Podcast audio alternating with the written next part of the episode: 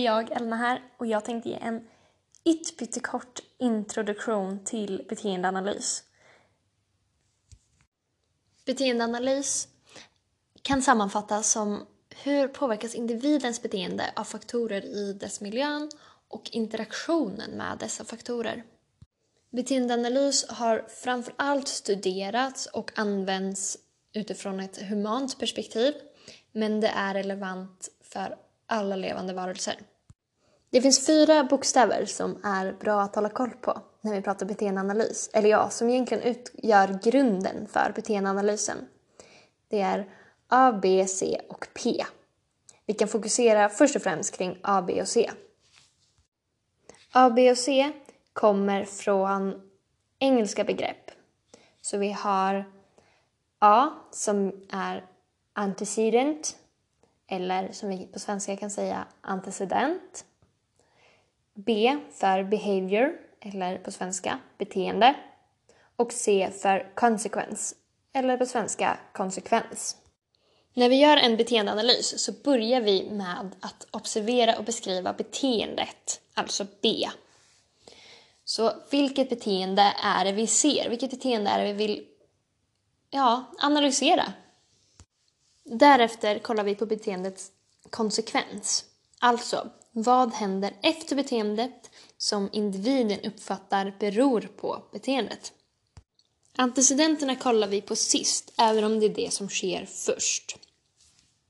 Antecedenterna är alltså vad som sker innan beteendet och vad som dels kan visa djuret att nu finns de här förstärkarna tillgängliga om du utför det här beteendet.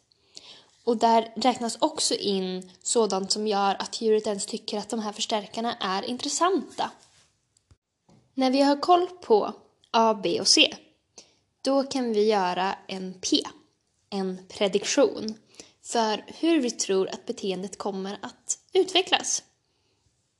Så, vi ska förstås ta ett exempel.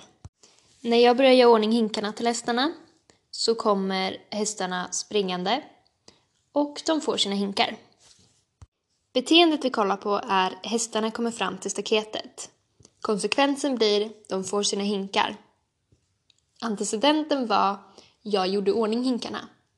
Prediktionen jag ger av det här är att troligtvis så funkade konsekvensen att ge hinkarna som en positiv förstärkare. Alltså vill ha till någonting som kommer få beteendet att fortfarande ske eller öka på något sätt. Därav så blir prediktionen helt enkelt att det här är ett beteende vi kommer fortsätta att se mer av. En väldigt viktig detalj här är att vi gör vår prediktion baserat på konsekvensen. Inte på antecedenten.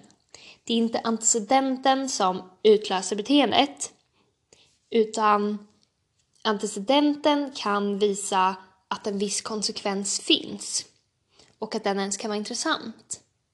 Medan det som gör att beteendet faktiskt fortgår är att en viss konsekvens sker. Hästarna kan alltså sluta komma in till mig om det är så att de inte får mat när det skramlar.